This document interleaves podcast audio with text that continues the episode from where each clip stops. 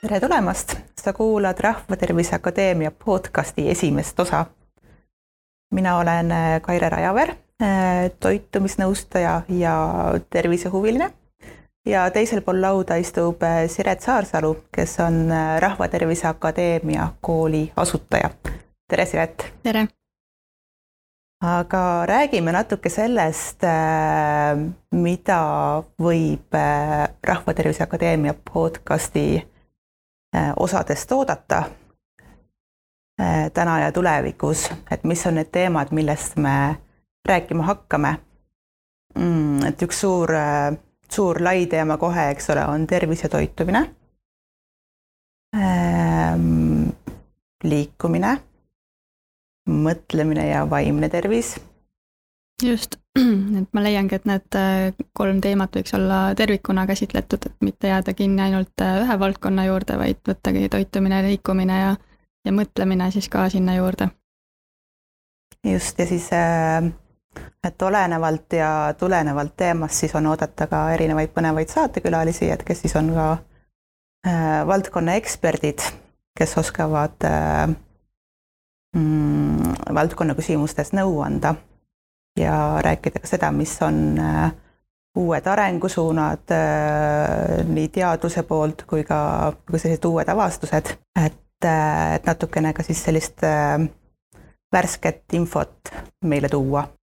kui nüüd rääkida konkreetsemalt toitumisest, siis kas on sellised konkreetsemad äh, äh, valdkonnad, mida me teame, mida me kindlasti käsitleda tahame?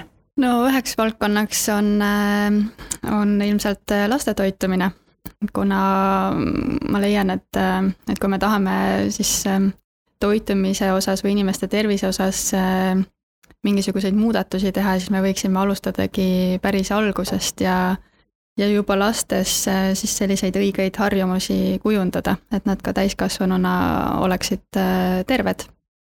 ja, ja teine teema on ilmselt sportlaste toitumine, millega ma ise olen päris palju tegelenud ja mis mulle südamelähedane on ja ilmselt siia, siia lisandub äh, ka muid toitumisega seonduvaid äh, valdkondi mm. -hmm. üks valdkond, mis mul kohe turgatab, on äh, toidu innovatsioon. just. et mida põnevat on toimumas tootearendustega, mida meile toiduteadurid oskavad rääkida sellest, et milline tulevikutoit välja hakkab nägema. ja midagi, mis ma tean, meile mõlemale on südamelähedane, on Äh, keskkond. et äh, küsimus, et kuidas teha äh, tervislikke valikuid niimoodi, et, et me samal ajal suhtuksime austuse ja hoolivusega ka enda, ennast ümbritsevasse. jaa, kindlasti. see on üks väga oluline teema ja praegu mul tuleb kohe meelde, mis, mis mulle endale veel väga südamelähedane on, on siis ka harjumuste muutmise teema, et just ähm, äh, et noh, muidu ütleme, et kui mina töötan toitumisterapeudina ja kui ma vaatan ka oma kolleege, et, ähm, et me oleme võib-olla natukene liiga selles mõttes kinni, et toitumisnõustaja annab äh, toitumissoovitusi. tegelikult sealjuures on hästi oluline ka see psühholoogiline pool, et et, et kuidas üleüldse neid äh, muutusi siis äh, suunata. et mis, äh, mis tehnikaid seal kasutada ja, ja mida siis ka iga inimene ise saab enda heaks ära teha, et uut, et uusi harjumusi siis ähm, juurutada. just täpselt, ehk siis tuleb ka psühholoogiat. aga igal juhul, kui sa oled tervisehuviline, siis sa oled täiesti õiges kohas. Aga täna konkreetselt teeme me sellise tutvustava saate, kus me räägime veidikene Siretist. Ja räägime natukene ka sellest, et kuidas üldse äh, toitumismaastik Eestis on, et äh, miks meil on toitumisspetsialistid, kes on toitumisspetsialistid, miks neid vaja on ja millised põnevad töövõimalused äh, selles valdkonnas äh, jah, välja paistavad aga alustame algusest, Siret, et äh, mis on sinu teekond äh, toitumise juurde? mõnes mõttes see on äh, päris pikk olnud. no toitumine ja selline tervislik eluviis on mulle kogu aeg huvi pakkunud. aga, aga just eriala, no ütleme, et selle eriala juurde ma olen ikkagi äh, suhteliselt hiljuti jõudnud. Ma alustasin oma õpinguid äh, hoopiski keemia vallas, ehk siis äh, Tartu Ülikoolis äh, õppisin keemiat. Ja, ja ma olen lõpetanud äh, magistrantuuri.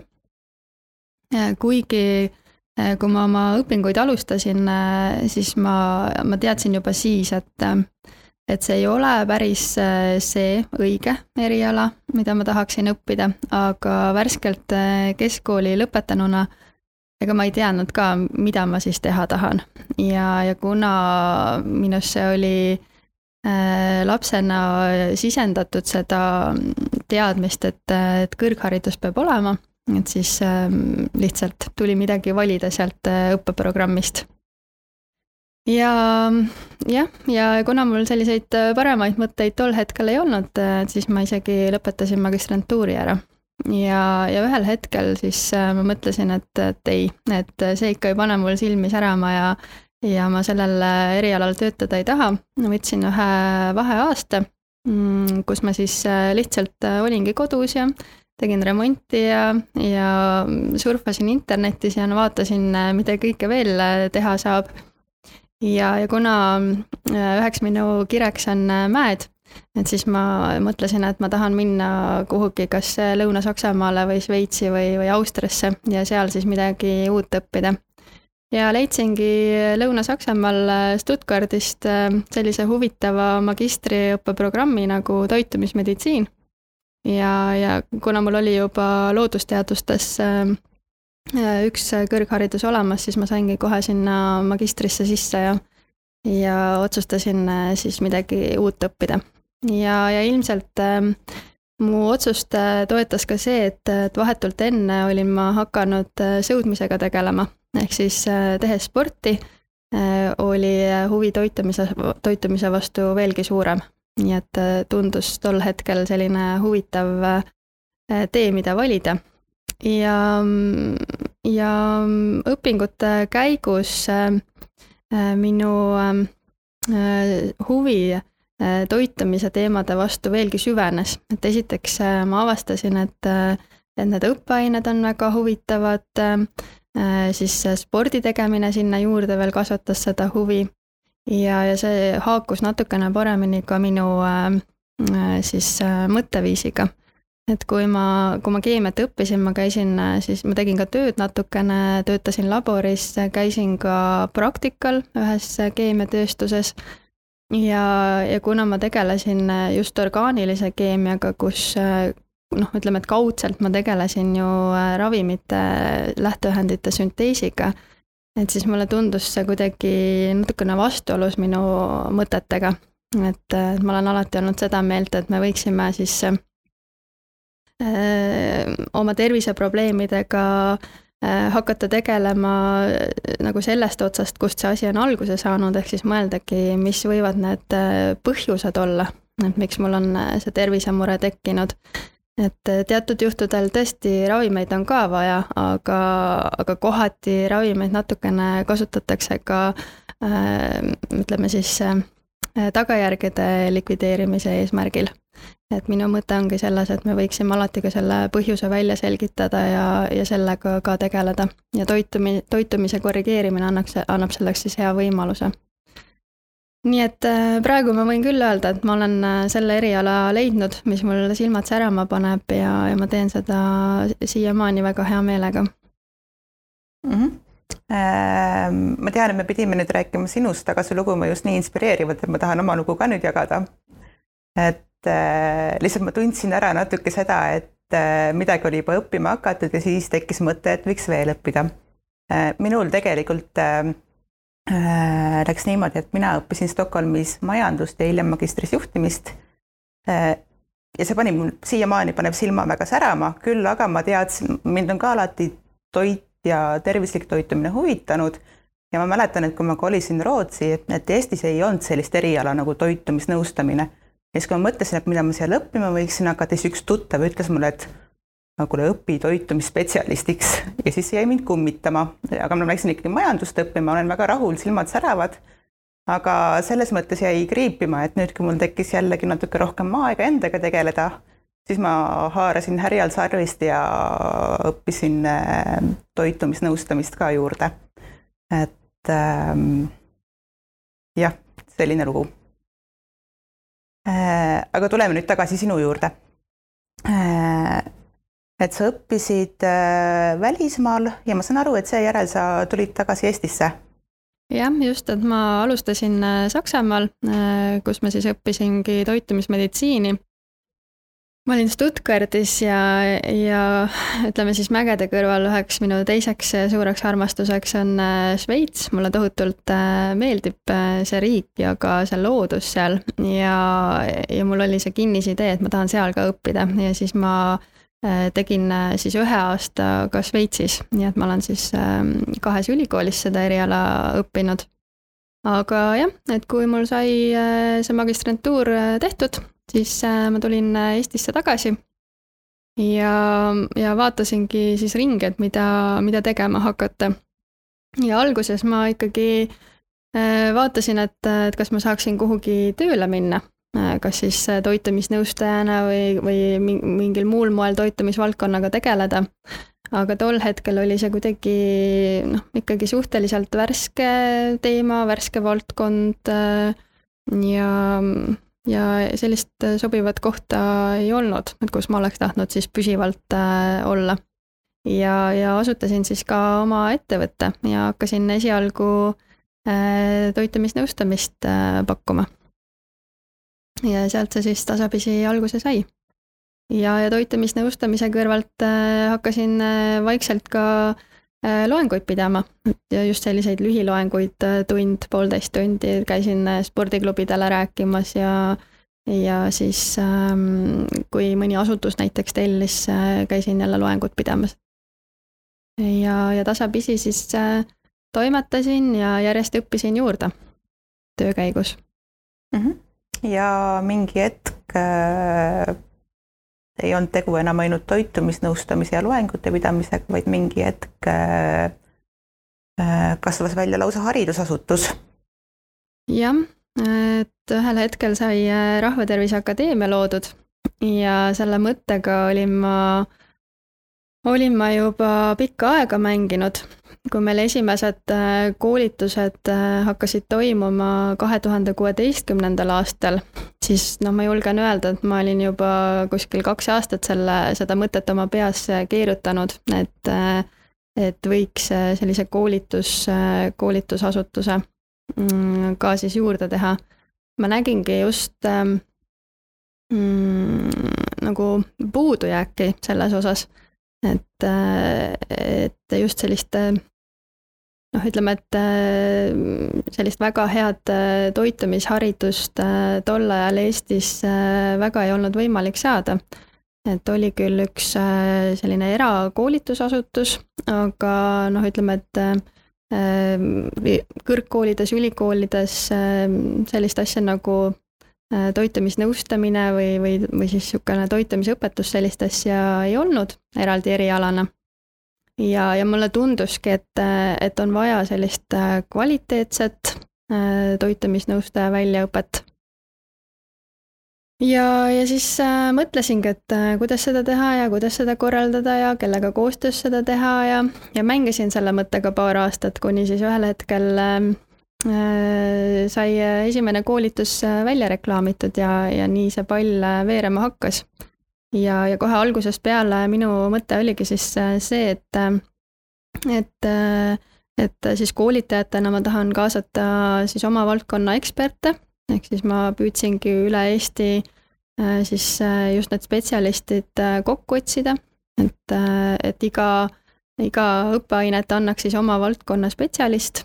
Ja, ja minu jaoks oli siis teine oluline punkt see, et see õpe oleks ka võimalikult praktiline et oma õpingute käigus, ähm, kuna mina olen ju õppinud äh, ülikoolis, äh, no põhimõtteliselt kolmes erinevas ülikoolis, äh, siis ähm, ma kogesin seda, et, et ülikoolis see haridus on ähm, selline suhteliselt akadeemiline nii-öelda. et kui mina õppisin toitumismeditsiini, et siis meil oli ka seal toitumisõpetust ja igasugu toitumisalaseid loenguid, aga need olid suuresti sellised teooriatunnid, et puudu jäi just sellistest praktilistest õpetest ja, ja siis ma mõtlesingi, et et, et siis meil Rahvatervise Akadeemias võiks ka see praktiline pool hästi tugev olla. kui me mõtleme toitumisnõustaja eriala peale, siis seal on ju kindlasti hästi oluline, et kui inimene lõpetab kooli, et ta saaks kohe ka tööle asuda. sest mina näiteks tulin, kui ma tulingi Eestisse tagasi, ma olin magistrantuuri küll lõpetanud aga need põhilised äh, oskused, mida mul siis töös, äh, töö tegemisel vaja läks, äh, need ma ikkagi õppisin töö käigus suuresti juurde. nii et, et, et need on jah, kaks sellist olulist punkti. ja noh, loomulikult on siis oluline ka see, et et siis meie siin koolimeeskonnaga ja ka meie koolitajad, et me oleksime ka ise eeskujuks. Okei okay,, aga sa mainisid, et äh,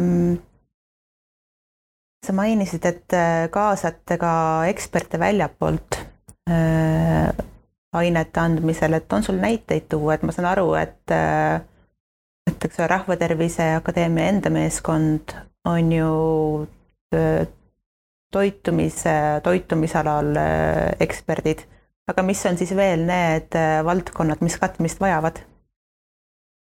no meil see, äh, ütleme siis toitumisnõustaja ja toitumisterapeudi ähm, õpe äh, on ju suhteliselt ähm, laialdaselt kokku pandud, et see ei koosne mitte ainult äh, toitumisõpetusest, vaid ka nendest toetavatest teadmistest ja oskustest sinna juurde. Et näiteks toitumisnõustaja õppes me räägime ka liikumissoovitustest, et Äh, seda mm, ainet käib meil siis andmas äh, kas siis ähm, näiteks äh, Mati Arend või Arek Mäestu. meil on seal ähm, psühholoogiaga seotud aineid, kas või näiteks söömishäirete teema, mida meile käib rääkimas kliiniline psühholoog, kes ise töötabki siis ähm, keskuses, kus ta just nende patsientidega tööd teeb. või siis nõustamispsühholoogia, kus me samamoodi kaasame siis erinevaid psühholooge Äh, või, või kas või näiteks äh, inimese anatoomia ja füsioloogia, et äh, meil selline siis samamoodi koolitajana füsioterapeut Ege Johanson. et mõte ongi just selles, et, et nendest teemadest räägiksidki need inimesed, kes igapäevaselt selles valdkonnas töötavad ja kellel on ka praktilised kogemused. et loomulikult ma võin ka ise lugeda Äh, siis äh, liikumissoovituste kohta või, või viia, või noh, ma olen ju ka kursis äh, näiteks nõustamistehnikatega, aga mina kindlasti ei oska neid nii hästi edasi anda kui selle valdkonna spetsialist mm. -hmm. See on nüüd juba välja tulnud, et Rahvatervise Akadeemias saavad õppida toitumisnõustajad või jah, toitumisspetsialistiks saab õppida, eks ole, kas siis toitumisnõustajaks või toitumisterapeudiks aga kellele see kool veel mõeldud on? Ehm, no meil ongi siin noh, ütleme, et põhimõtteliselt võib öelda neli, neli erinevat äh, valdkonda, millega me tegeleme. üks ongi siis äh, toitumisspetsialisti väljaõpe, aga lisaks äh, me teeme siis ka äh, muid täienduskoolitusi erinevatele spetsialistidele, et kas siis äh, näiteks õdedele või füsioterapeutidele, treeneritele Äh, ka arstidele näiteks, äh, äh, ka nendele, kes juba töötavad toitumisnõustajana, aga soovivad mingisuguseid lisakursusi enda täiendamiseks juurde võtta. ja, ja no loomulikult me siis teeme ka tellimuskoolitusi, kui mõni asutus või ettevõte või mõni organisatsioon meie poole pöördub, soovib mõnda koolitust, siis me samamoodi oleme valmis selle koolituse Äh, siis kokku panema ja, ja läbi viima. et äh, üsna palju oleme koostööd teinud erinevate äh, erialaliitude ja, ja patsientide ühingutega ka näiteks, et kes siis soovivad oma liikmetele koolitusi. Ja, ja üheks suureks teemaks on loomulikult lapsed, et me oleme aastaid teinud siis lastele töötubasid, ka loenguid, kokkamisklubi oleme aastaid läbi viinud. Et, et ka nendele siis sellist toitumisõpet pakkuda. okei. okay aga miks üldse Eestis on vaja toitumisspetsialiste mm,? no ma, ma ise leian, et äh, praegu see valdkond on äh,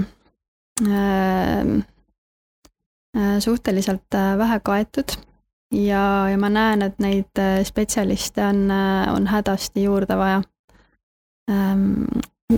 kas või siin koolituste korraldamise käigus, kui meil käivad siin näiteks ähm, ka mõned arstid loenguid pidamas, äh, äh, siis nad alati toovad välja selle, et neil oma meeskonnas on hädasti äh, ka toitumisspetsialisti vaja või siis ähm, kui ma ise töötan lisaks ka siis Tartu Ülikooli Kliinikumi kliinilise geneetika keskuses, et siis seal samamoodi ma näen, et, et seda, seda teenust on väga vaja. ja, ja suheldes seal erinevate kolleegidega tuuakse ka välja, et et, et hirmsasti, hirmsasti on vaja, aga, aga praegusel hetkel on neid äh, inimesi vähe võtta. Äh, ja, ja kui mõeldagi nagu laiemalt äh, selle vajaduse peale, siis ähm, siis üheks suureks probleemiks ongi ähm, ülekaalulisus või, või siis, et meil on järjest rohkem ka rasvunud inimesi ja, ja kuna see tõstab äh, siis erinevate haiguste riski, äh, siis sellega kindlasti oleks vaja tegeleda. ja, ja see on just see valdkond, millega siis äh, toitumisspetsialist saab tegeleda, kuna see sõltub ju suuresti toitumisest. et kui vaadata siin äh, erinevate uuringute andmeid, äh, siis äh, siin viimane äh, siis äh, terviseprofiilide raport näitas, et ligi viiendik Eesti täiskasvanutest on rasvunud, mis on päris suur osakaal. ja, ja lastest siis et kui vaadata siin kahe tuhande kolmeteistkümnendal ja neljateistkümnendal läbi viidud uuringut, siis selle andmetel siis ülekaalulisus ja rasvumine laste hulgas äh, on kuni kuusteist protsenti, äh, mis on ka päris suur osakaal. et noh, põhimõtteliselt võime öelda, et esimeses klassis on siis ligi iga neljas tüdruk ja, ja iga kolmas poiss ülekaaluline. ja ma näen, et selles osas me võiksime midagi ette võtta. ja ja just, just selleks ongi ka toitumisspetsialiste vaja. miks see ülekaalulisus probleem on, et kas see on selline kosmeetiline küsimus või, või on siin tõsisemad tagajärjed, millele mõtlema peaks? no ülekaalulisuse ja rasvumisega erinevad äh, terviseriskid äh, tõusevad, et põhimõtteliselt jällegi, kui, kui rääkida statistikast, siis Äh, on ka seda välja toodud, et äh, et toitumisriskidest tingitud surmad moodustavad äh, kakskümmend kuus protsenti kõikidest surmadest Eestis. et sisuliselt sellised ähm,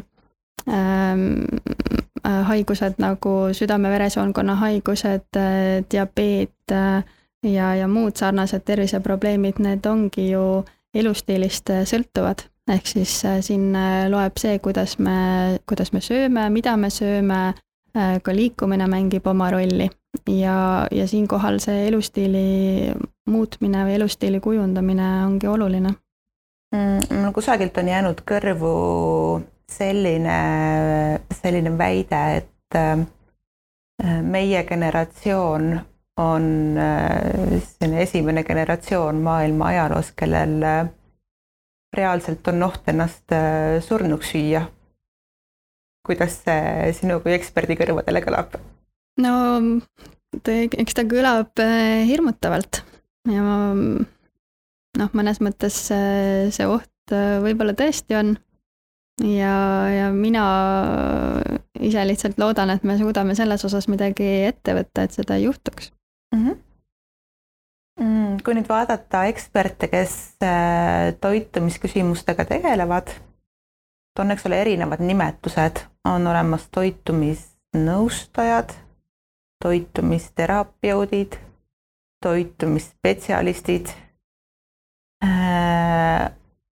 oskad sa seda natuke, neid kaarte natuke avada, et kes siis on kes? mm. -hmm. Neid nimetusi on tõesti palju erinevaid.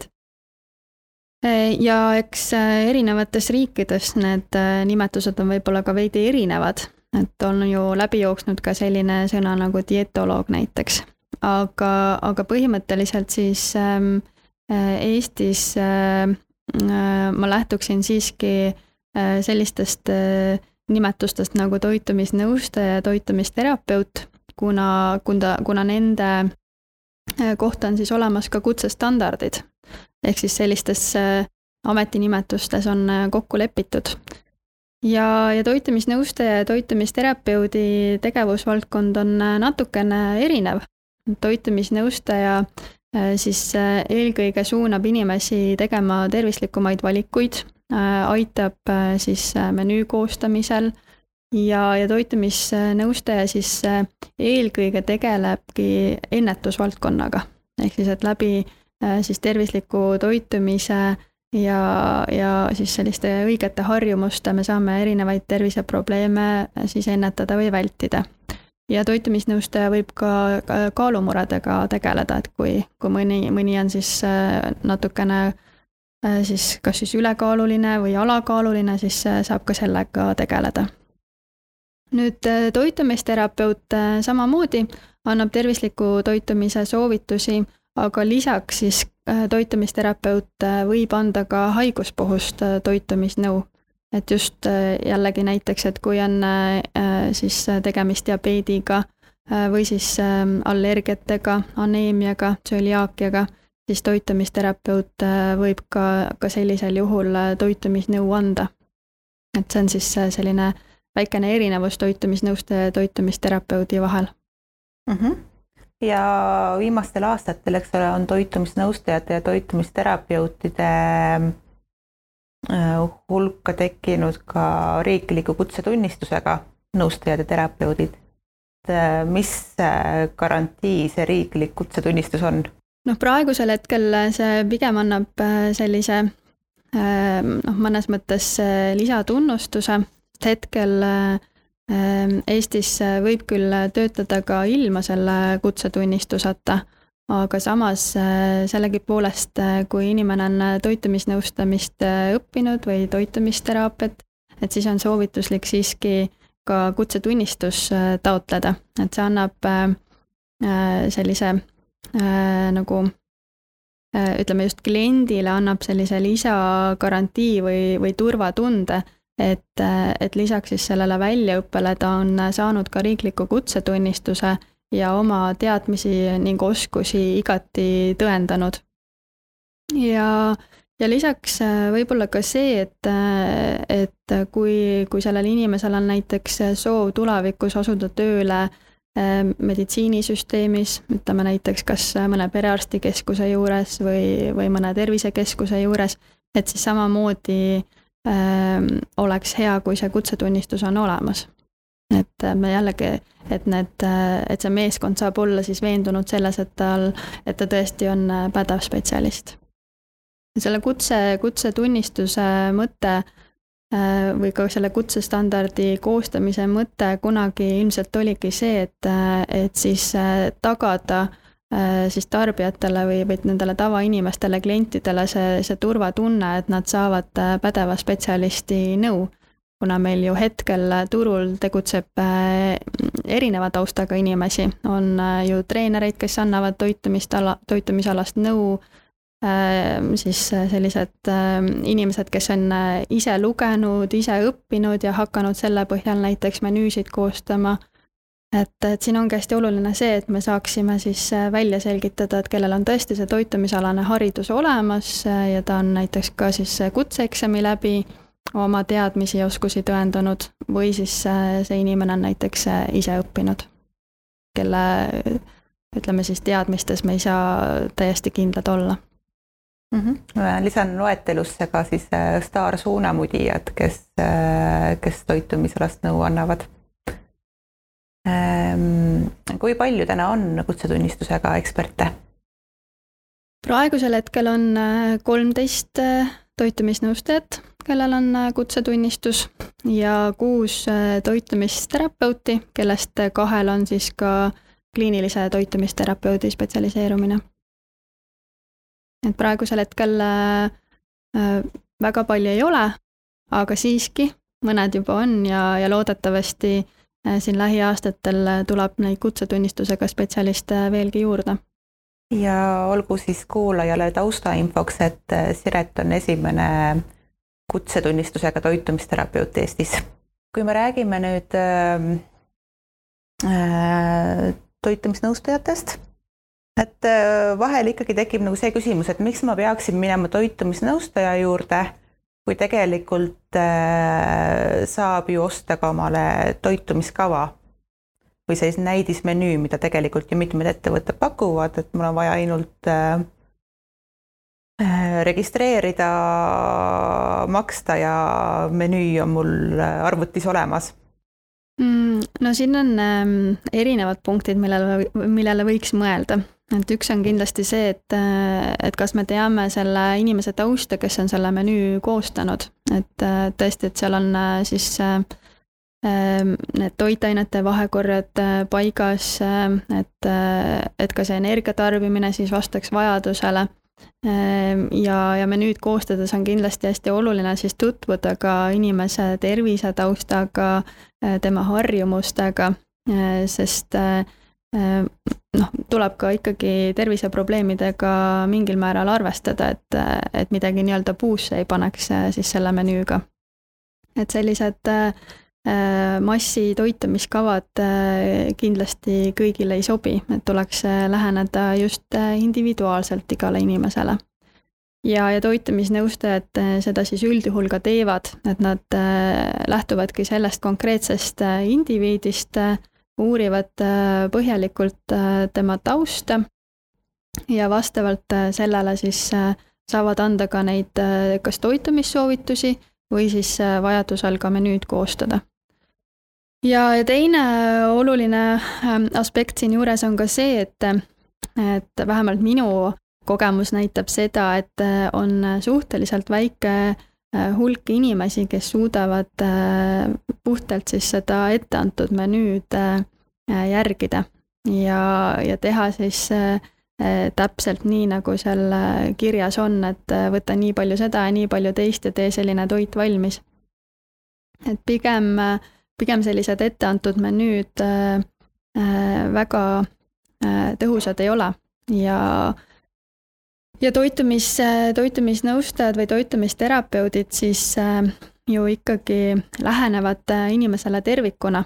et, et üks asi on tõesti see toitumisnõu andmine, aga teine osa sealjuures on siis ka nende harjumuste muutmine, ehk siis äh, Äh, kui inimene tuleb äh, toitumisnõustaja vastuvõtule, siis äh, toitumisnõustaja, kes on väljaõppe saanud, kasutab ka sobivaid nõustamistehnikaid, aitab siis motivatsiooni leidmisel, eesmärkide püstitamisel, siis pannakse paika tegevuskava, ehk siis toitumisnõustaja on justkui selline teejuht kes on siis äh, kogu aeg äh, olemas ja, ja saab siis äh, suunata ja abistada ja, ja nõustada ja, ja seda protsessi siis ka jälgida ning, ning vajadusel siis sekkuda. kui nüüd rääkida, et okei okay,, ma otsustan õppida toitumisnõustajaks ja võib-olla minna veel täitsa süvitsi ja õppida edasi toitumisterapeudiks,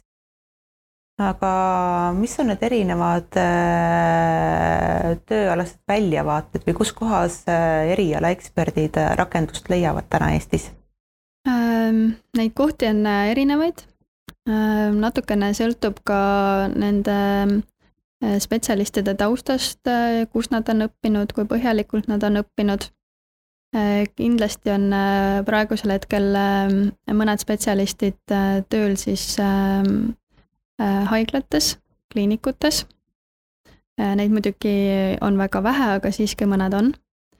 Äh, siis ma tean, et mõned toitumisnõustajad töötavad siis noh, neid on ka jällegi mõni üksik, kes töötavad siis perearstikeskuse juures või, või tervisekeskuse juures ähm,. eraproksiseid kindlasti on, et kes on sellised äh, äh, ütleme siis ettevõtlikud ja, ja pealehakkajad toitumisnõustajad, et nemad on siis kas üksinda oma ettevõtte loonud või, või siis on mitu inimest sellise meeskonna moodustanud ja, ja teevad siis kamba peale mm, sellist toitumisnõustaja tööd oma loodud ettevõttes siis ma tean, et äh, on äh, siis toitumisnõustajaid, kes, äh, kes töötavad ka siis ähm, kas siis toiduainetööstuses või siis tootearenduse juures.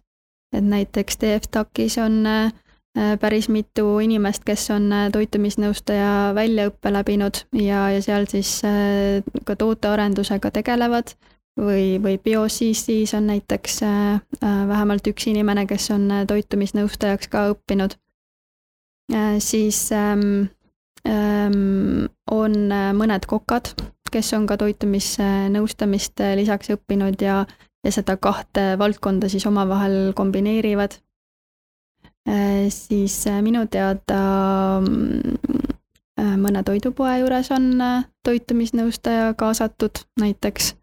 Rimi ju minu teada isegi reklaamib, et nende toitumisnõustaja soovitab äh, seda või teist. et äh, kui siin äh, natukene fantaseerida, et siis see, see, tööpõld on, äh, on suhteliselt lai, et, et tegelikult toitumisnõustajad võiksid erinevates valdkondades veel töötada, et kus praegusel hetkel võib-olla veel ei ole, aga tegelikult võiks olla tulevikus näiteks.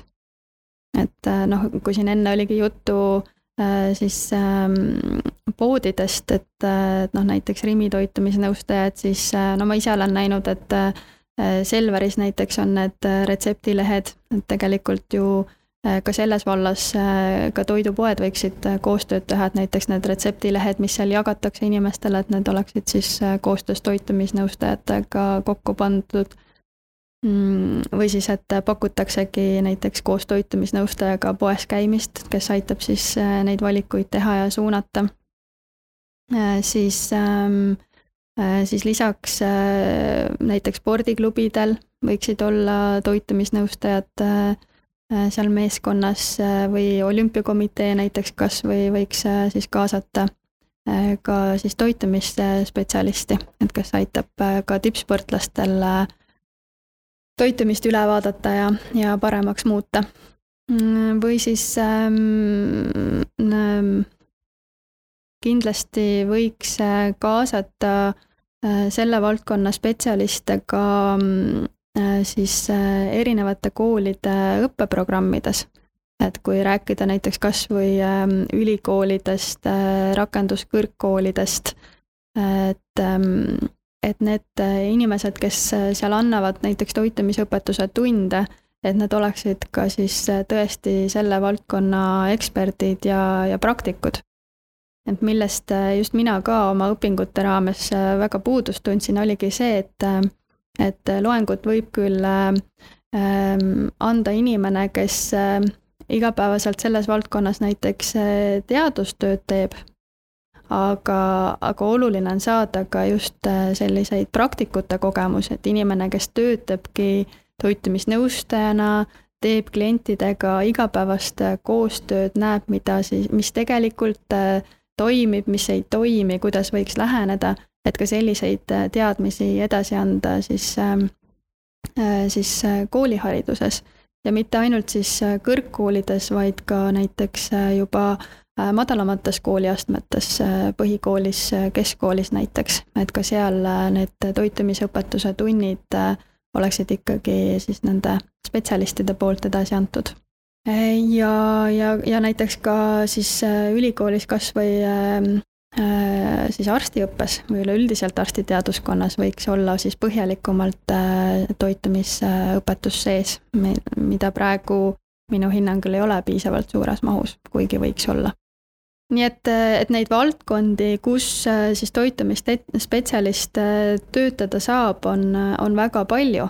Äh, no siit saab ka kaugemale vaadata, et kas või näiteks, kas või näiteks siis selline tarbijakeskne lähenemine, turundusvaldkond näiteks, et, et ka seal kaasata neid spetsialiste.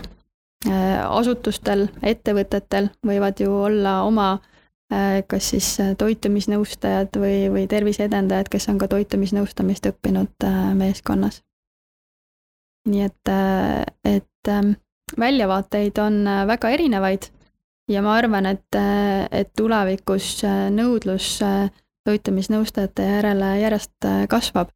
tegelikult noh, täpselt samamoodi, et et kui vaadatagi seda statistikat, et meil siin aastate jooksul ülekaaluliste arv järjest kasvab, siis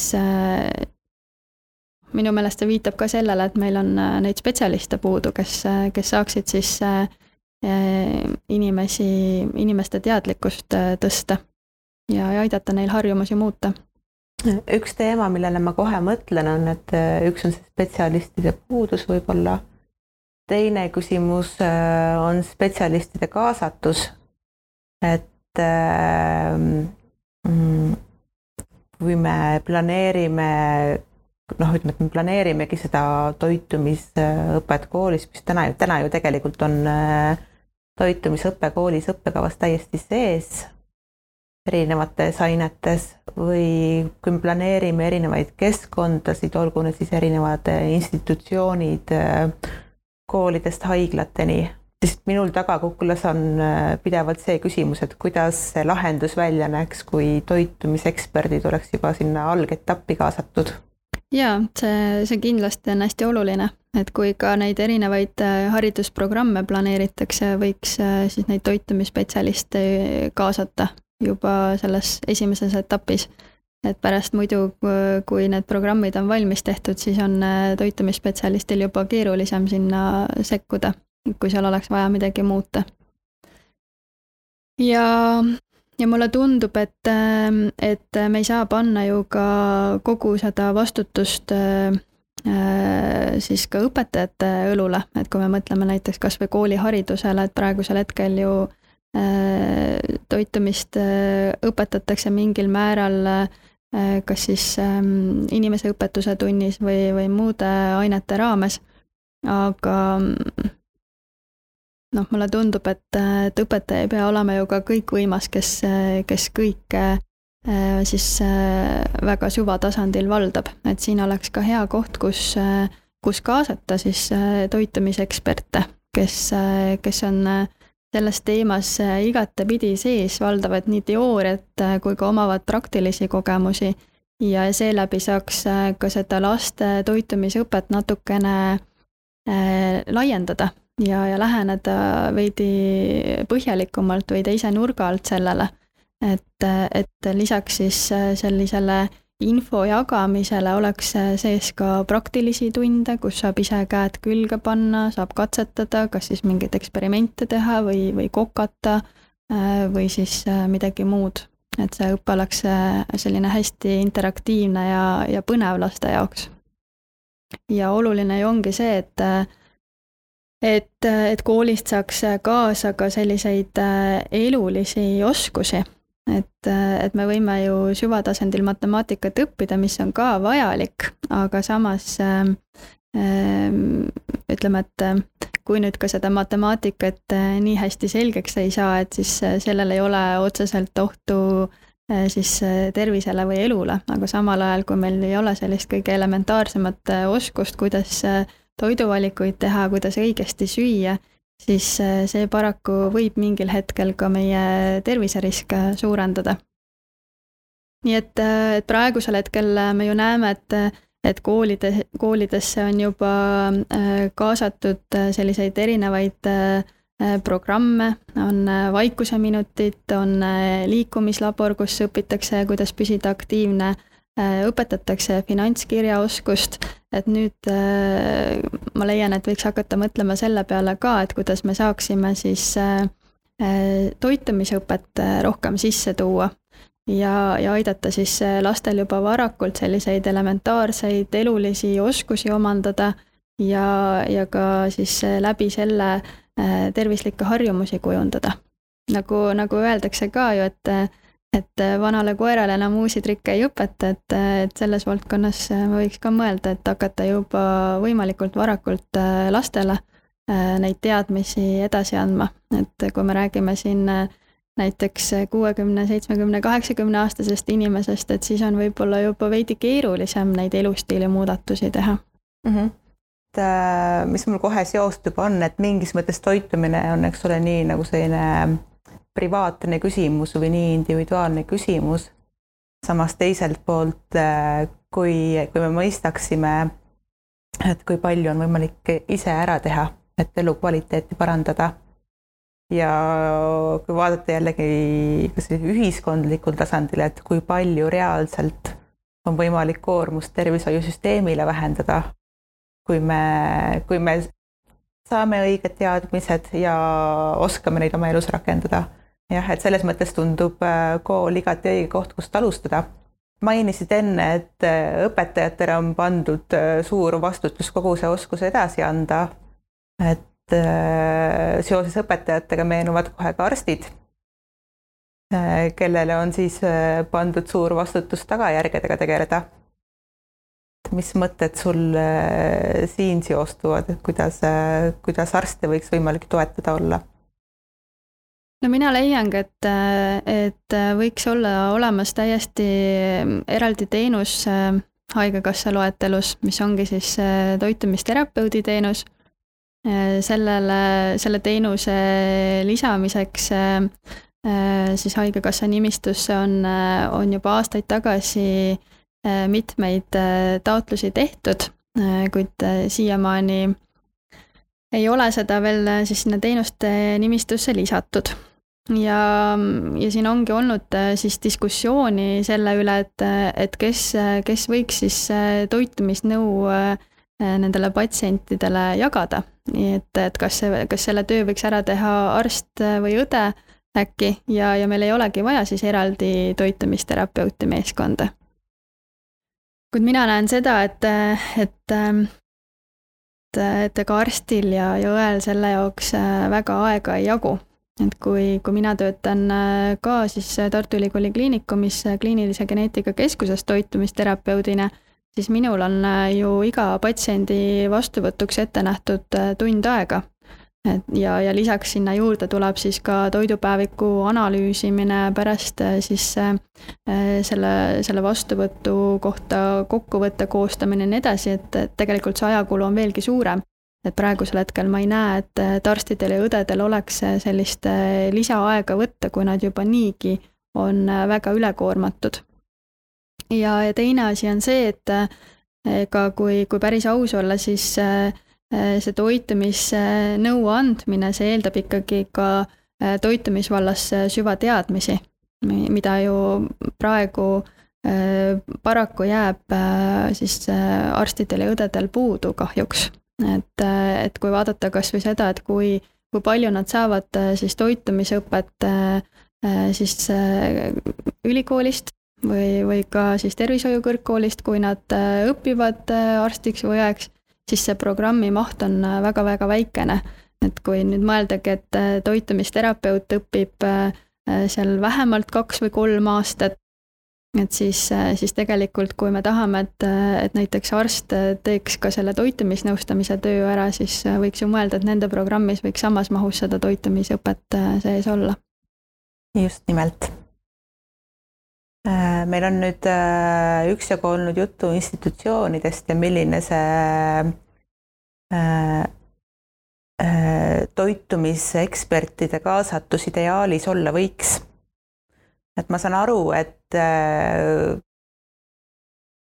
selles mõttes need näited on täiesti olemas, kui me vaatame mõndasid teisi riike, kus tegelikult ju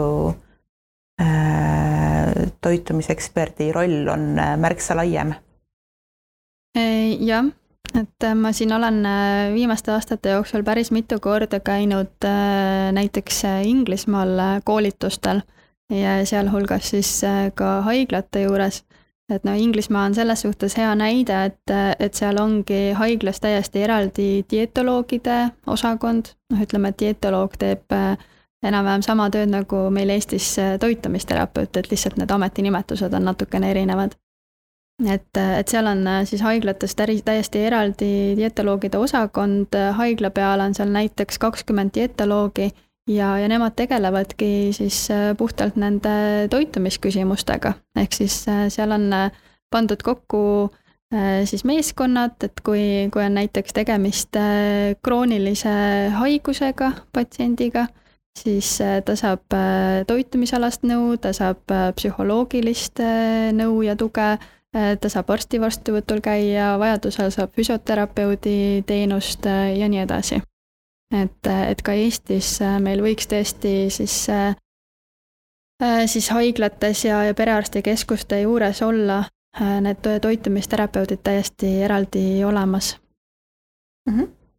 ja kui rääkida nüüd natuke sellise äh, rohkem äh, erasektori äh, poole pealt, et kas me ka siin näeme selliseid näiteid, kus äh, mujal riikides on kas mingid põnevad trendid või uued koostöövormid, kus toitumiseksperdid löövad kaasa. et kas on mõte ka selliseid näiteid mudeliks, et mille suunas Eesti võiks liikuda? Ehm, no ma arvan, et üheks mudeliks võikski olla just selline terviklik lähenemine et, et me ei piirduks mitte ainult äh, ühe valdkonnaga, vaid, äh, vaid me käsitleksime seda probleemi erinevatest aspektidest. Noh, ütleme näiteks inimesed, äh, kellel ongi mõni krooniline haigus, nad lähevad kord aastas sinna mm, haiglasse siis vastuvõtule, nad on arvestanud selleks terve päeva, nad käivadki läbi siis arsti juurest, toitumisnõustaja juurest, siis nad käivad läbi füsioterapeudi juurest, õe juurest, psühholoogi juurest ka Eestis võiks seda rakendada. Et praegu meil äh, kahjuks äh, probleem ongi selles, et, et meil Haigekassa teenuste loetelus sellist teenust ei ole. et praegusel hetkel küll on meil juba terve rida arste, kes näevad selle vajalikkust ja suunavad siis oma patsiente toitumisnõustaja või toitumisterapeudi juurde kuid meil on kahjuks päris palju ka selliseid juhtumeid, kus äh, inimene võtab siis äh, meiega ühendust, ütleb, et perearst soovitas mul äh, pöörduda, et mul on vaja toitumisalast nõu. Ja siis, kui ta kuuleb, et see on tasuline teenus, siis, siis ta kahjuks loobub sellest, sellepärast et tal ei ole võimalik selle eest tasuda. et, et vajadus iseenesest on, aga me, me ei saa seda siis pakkuda. ja, ja noh, praegusel hetkel, kui me vaatame kas või ka Äh, siis ähm, näiteks äh, ravijuhendeid, et, äh, et siin alles hiljuti välja antud ravijuhend siis ülekaalulise või rasvunud patsiendi käsitlus esmatasandil, siis isegi seal ravijuhendis on välja toodud, et vajadusel siis soovitada toitumisnõustaja siis nõust-, vastuvõttu. aga samas meil tegelikult ju pole neid toitumisnõustajaid niimoodi võtta Äh, keda siis äh, kaasata. ja, ja ma leiangi, et just sellist terviklikku lähenemist on vaja. Ja, ja, ja üheks näiteks veel on ka siis äh, bariaatrilise operatsiooni läbi teinud patsiendid, kes samuti meie juurde suures hädas pöörduvad. et, et nad on küll siis selle operatsiooni läbi teinud, aga samas nad väga vajavad ka toitumisalast nõustamist Äh, siis pärast äh, äh, seda lõikust ja, ja tegelikult ma ütleksin, et isegi juba enne bariaatrilist operatsiooni on toitumisalast nõustamist vaja, et, et selle poole pealt nad jäävad nagu hätta. ja, ja siin on ju ka veel eraldi küsimus, et kuidas siis üleüldse sellele ülekaalu või rasvumise probleemile läheneda. et, et võib-olla võiks mõeldagi ka esmajoones just toitumise korrigeerimise peale.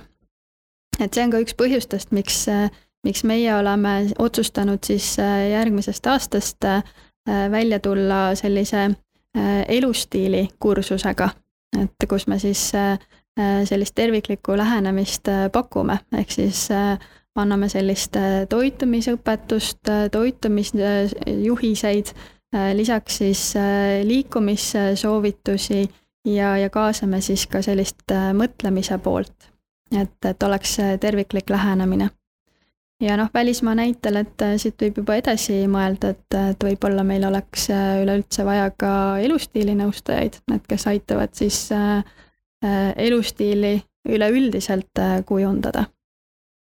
just nimelt, ka mul on jäänud sellised äh, programmid silma, et kus on võimalik äh, seda Rootsi näitel, et kus on võimalik elustiili nõustajaks õppida ja üks osa sellest on, et läbitakse toitumisnõustaja äh, programm, aga, aga et seda vaadatakse veelgi laiemalt, et äh, ma saan aru, et mõte ongi, et kui äh, tehakse kliendiga koostööd, et siis toitumine on üks osa tervikust, et et äh, käsitletakse ka palju muud seal alates äh, unest, äh, digiharjumustest kuni liikumiseni.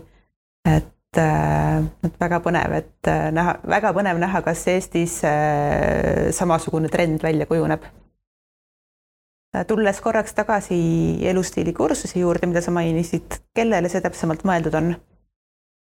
no põhimõtteliselt on see kõigile mõeldud, kes tahavad äh, siis oma elustiilis mingit laadi muutust teha.